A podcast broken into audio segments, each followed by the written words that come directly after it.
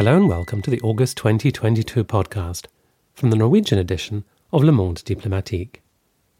My name's George Miller, and my guest in this programme is Maxime Robin, who's a French journalist based in the US. Maxime was in California recently to research his piece in this month's paper on the revived seductions of nuclear power. In it, he looks at the challenges facing the drought and wildfire stricken state as it tries to rapidly decarbonize. He spoke to people, including some environmentalists, who want nuclear power to remain part of the energy mix as California transitions away from fossil fuel. And he met campaigners who glad that Diablo Canyon, California's last remaining nuclear plant, which is situated in an earthquake zone, is scheduled to close in 2025. Or at least that was its agreed fate until very recently, as you'll hear in this episode. The issues Californians are facing as the climate crisis worsens are being encountered all over the world. How to deal with the energy shortfall as old fossil fuel plants and aging nuclear reactors are decommissioned and replaced by renewables, given that renewables produce energy that is intermittent and both hard and expensive to store. But Maxime's story also highlights the ways in which the US energy market is distinctive. And that's where we began. First thing is uh, the US have the biggest nuclear fleet in the world still today. They have uh, around 100 reactors. So, in absolute terms, they are the biggest nuclear power providers in the world. But it doesn't look that way when you read the media, when you when you live in the US, because the US uh, need uh, such a big amount of energy just to live day by day as a nation. Nuclear power represents only 20% of the total, which is a far cry from countries such as where I'm from, France, where it's like around 70% of the total of the electricity production. So I learned also that it was an aging fleet similar to France. They built uh, uh, big numbers of reactors in the 70s, 80s, and then several things happened. First, it became less and less popular because of an incident at Three Mile Island. Also, because gas was so cheap, it made less sense for utilities. It's not nationalized. You have a lot of players. It's kind of private sector plays a bigger role, and companies they have, they had less incentive to build nuclear power plants because um, because gas is so cheap, and it's cheap to build a gas plant then it's costly in the long run because you need the gas. In the opposite, you need a huge amount of investment to build a nuclear plant. And then in the long run, decades after decades, it makes a lot of sense in an uh, economic point of view. The heavy deregulation that happened in the 1990s in the US kind of killed the impulse to maintain and build new power plants because with the, the Reagan and Thatcher era, this move of deregulating the electricity market was something really new in the world. It's a, usually it's a it's a vertical. The electrical grid is very complex, and usually it's vertical. It's government owned.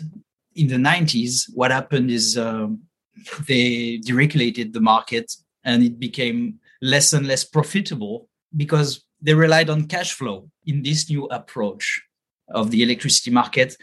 It made less and less sense to build nuclear power plants because you need basically you need you want milk out the most money you can.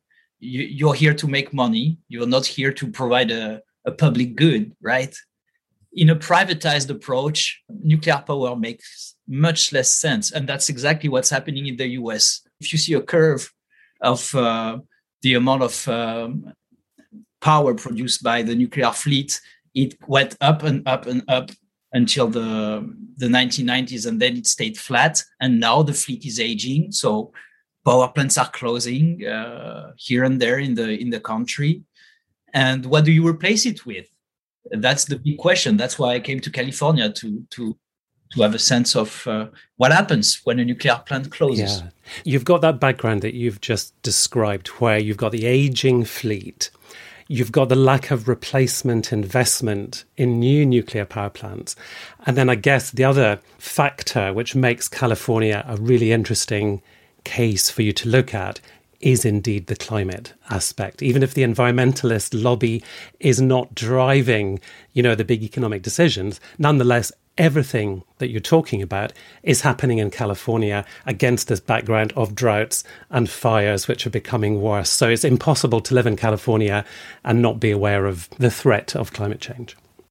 Of course, George, it's become very urgent now in California, but um, in basically every part of the world. You just told me that in the UK you had a terrible summer and record breaking temperatures. In California, uh, they've been dealing with that.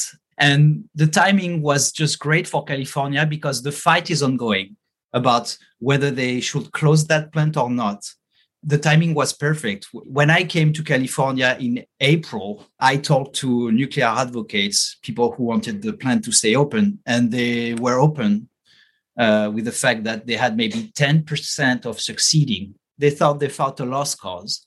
And here we are, four months after I met them, and there's a complete 180, a complete U turn. The government of California took the decision in the first place to, to close that plant in 2016. Since then, the California Senate passed a bill, Senate Bill 100, in 2018, that requires California to be carbon neutral, zero emissions of their electricity production by 2045.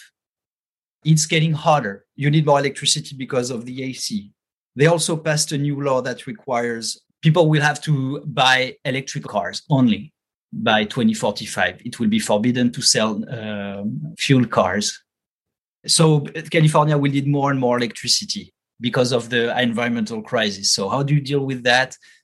It won't be enough with the solar and uh, and wind. That that is the big that is the big issue because of the intermittency of solar and wind the sun doesn't shine, uh, the wind doesn't blow all the time. And what do you do when solar energy and wind energy doesn't produce any energy? You need to you need a backup plan.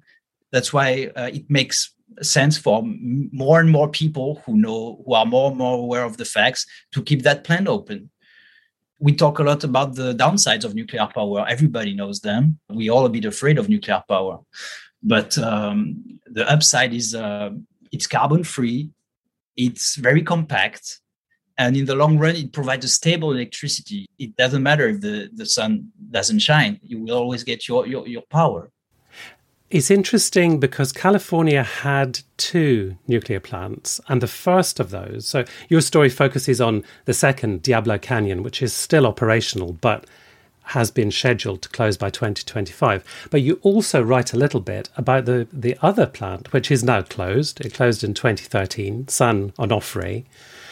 And it offers a really interesting example of what exactly happens when you close an, a nuclear plant down. You take out the energy which it's supplied to the grid, and then you have to make it up. So it's not like Diablo Canyon is purely hypothetical because we know what happened when the first plant was decommissioned. Yeah, when San Onofre closed in 2013, carbon emissions in California get up.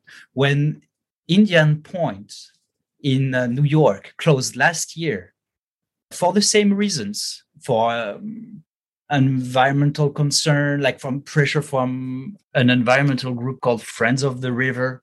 The New York power plant of Indian Point's closed, and now you got uh, you got a, a, bigger electricity bill. You got um, you get basically more emissions. And the big problem is with climate change, hydropower. Nuclear power and hydropower are, are the, the backbones of a carbon free electricity, according to uh, the EIA. And um, hydropower will be less and less reliable with climate change. So that's another problem on top of all the problems the New York plant uh, will be replaced by fossil fuels because uh, hydropower is getting weaker, and that, and this is also what's happening in, in California. People who advocate for closing the plant, they say, "Oh, we'll replace it with hydropower," but hydropower is already at its maximum capacity, and it's declining hugely with the drought. Uh, California is facing the, the most severe drought maybe ever seen by man. They call it the the mega drought, the drought of the century. Yeah. Hydropower is also in deep trouble. And uh, also, California was an interesting place because this is the birthplace of US environmentalism. This is where the Sierra Club was born in the beginning of the 20th century. And most interestingly, they haven't been always against nuclear power. In the early 60s, they were hugely against hydropower to the point that they were like, we rather do coal, which is uh, kind of ironic today, and we'd rather do nuclear because hydropower destroys um, aquatic life.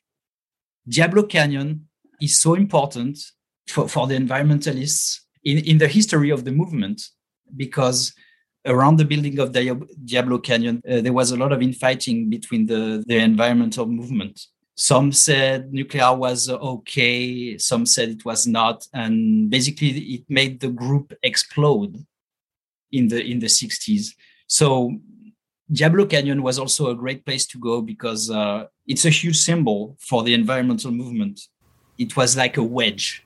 From your article, there are signs of that wedge in the US, but also in Europe and, and in the UK.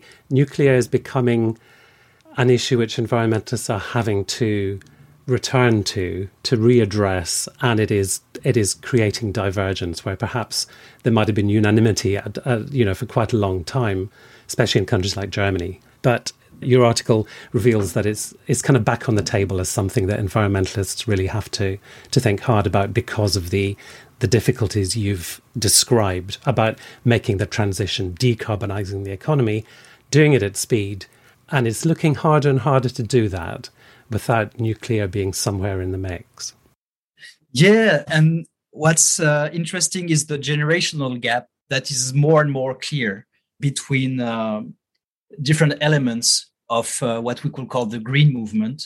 The, the die-hard anti-nuclear people are mostly older from an older generation who fought uh, in the in the 80s, who lived through Chernobyl and Three Miles Island, it was clear when I went to town hall meetings, uh, debates in California around the, the future of the Diablo Canyon plant.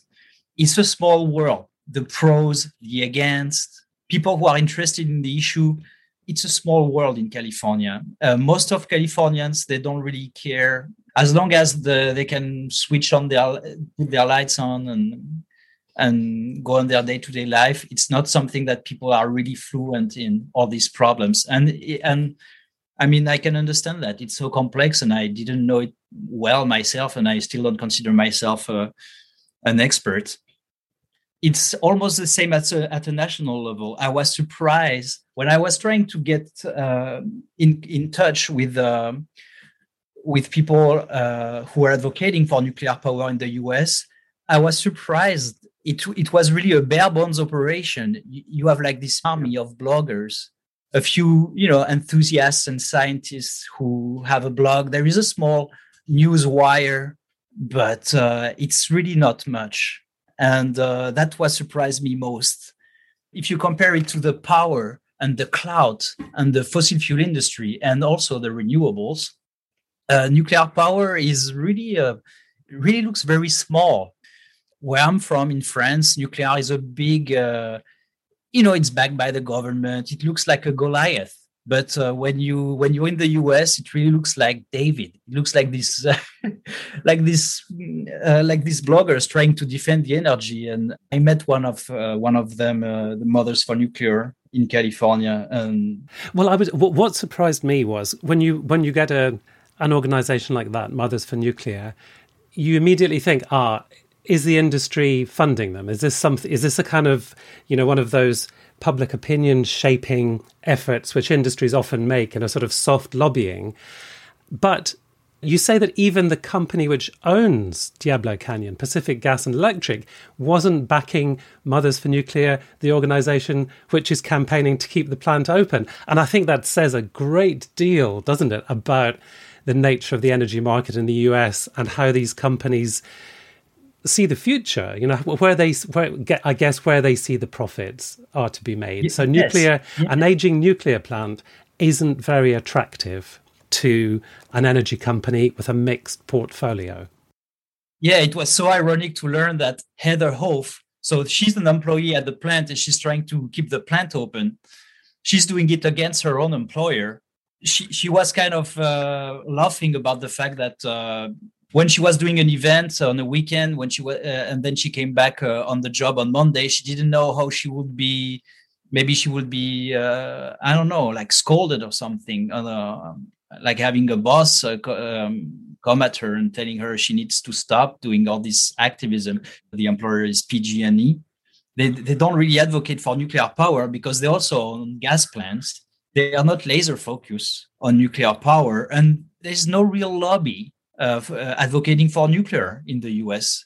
There is an organization in Washington, D.C., but um, its members are electrical companies. And these electrical companies, they are some private, some semi-private. It's the US. It's really complicated, but uh, there is no company in the US that's only laser focused on nuclear. So the lobbying is small or non-existent. It has no fangs. Uh, it's like no nobody's betting on it because of the nature of the the market now. Nobody wants to invest billions of dollars in a plant. You have real problems of cost overruns and uh, everything only a government could, could assume the risks. And the electrical companies, they just want to make money quick. They don't want to uh, have a 40 year a, a, pro, a, project spanning on 40, 50 years. Who knows if they will still be around? So in April, the Biden administration announced a $6 billion package to extend the life of some of these older nuclear plants. That is recognition, isn't it? That the renewables problem requires some kind of intervention in order to make that, you know, make that transition, and that even these older nuclear plants have a potential part to play. You know, so if, if new nuclear is hugely expensive and nobody's got the the confidence at the moment to invest in that, nonetheless, trying to extend the life of plants like Diablo Canyon in California might make the best sense in a difficult situation. Yeah, on, on this, uh, the Biden administration kind of aligned with what you read uh, from the IPCC. Is uh, to succeed, we're going to need a bouquet. We're going to need uh, lots of renewables. We're going to need uh, also lots of nuclear. This has been a total game changer. This is why uh, when I came in April in California to talk with people, Diablo was almost certain to close.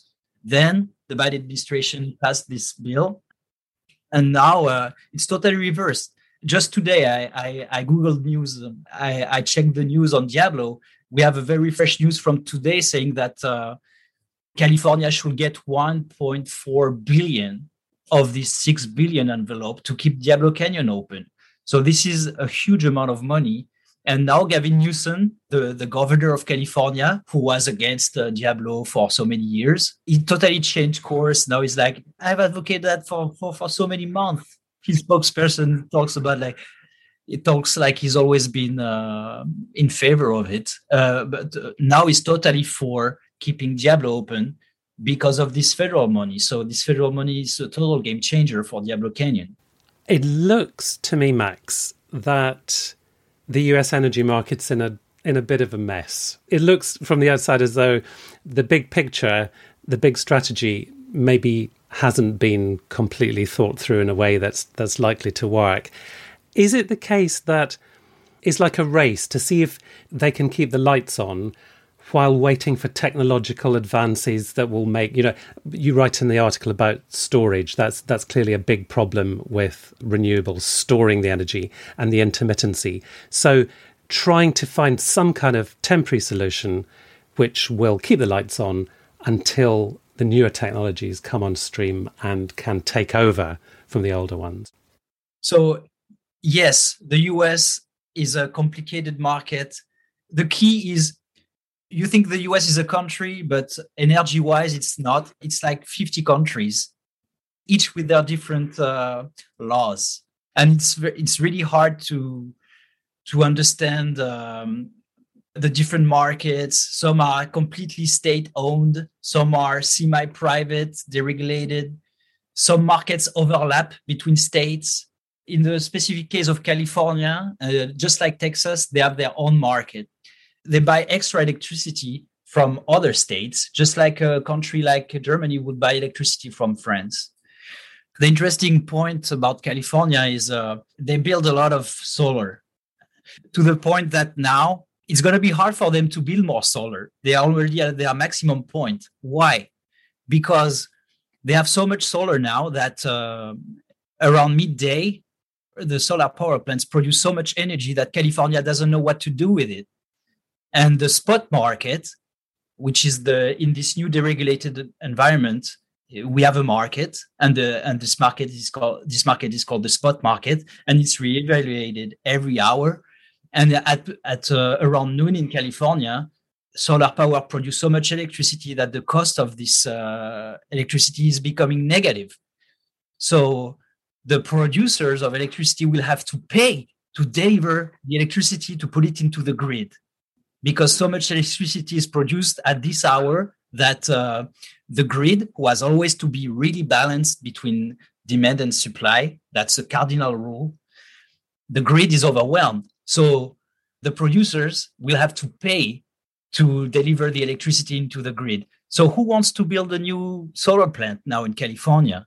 Plus, it's subsidized. So even when the solar panels production or electricity production is subsidized by the state, it doesn't make sense to produce more solar.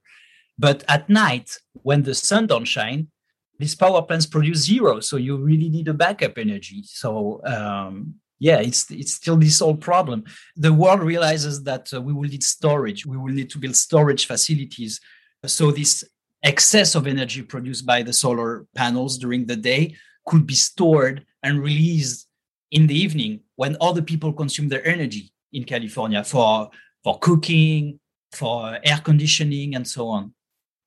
The problem is we don't know yet how to store the energy, uh, the electricity with, with uh, efficiently. This is something that's not easy. So far, we use uh, lithium ion, the same batteries you get in your you have in your iPhone. So everybody knows them, and everybody knows that uh, in a few hours they're out of juice, and uh, they have a short lifespan, five to ten years most. So California now is building um, storage electricity facilities. So you have to figure huge buildings filled with lithium batteries to help with the storage of electricity produced by by the solar panels during the day and release it into the night, for example. But um, this, the scale by which we will have to build this, it's not sure that it could uh, replace what we're consuming with uh, right now with gas and, and, and nuclear. California is uh, is an interesting case because uh, it's at the forefront. It's like the canary in the gold mine. It has a means to imagine the energy of the future, and it looks like uh, it will be hard to get rid of nuclear and rely on only on renewables such as uh, wind and solar to keep the lights on for whole, the whole state of California. Yeah, that's exactly what I thought. That's exactly why I thought you you were sort of drawn to the story because it it does raise so many questions for all our futures. The la- the very last thing I wanted to ask you, Max, was, you know, you said earlier people are not too worried about the source of their energy as long as the lights come on, and I'm I'm sure that's true of people everywhere. I don't know what the mix is in my electricity.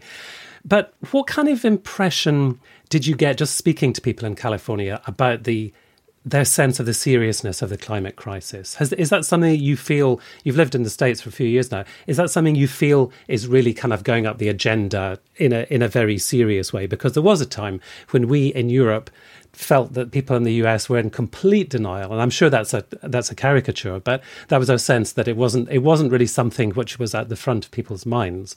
What was your impression of just being out and talking to people about issues like energy and climate, about how seriously it now is being taken in places like California? It's really hard to say, George. I think everybody is getting more concerned.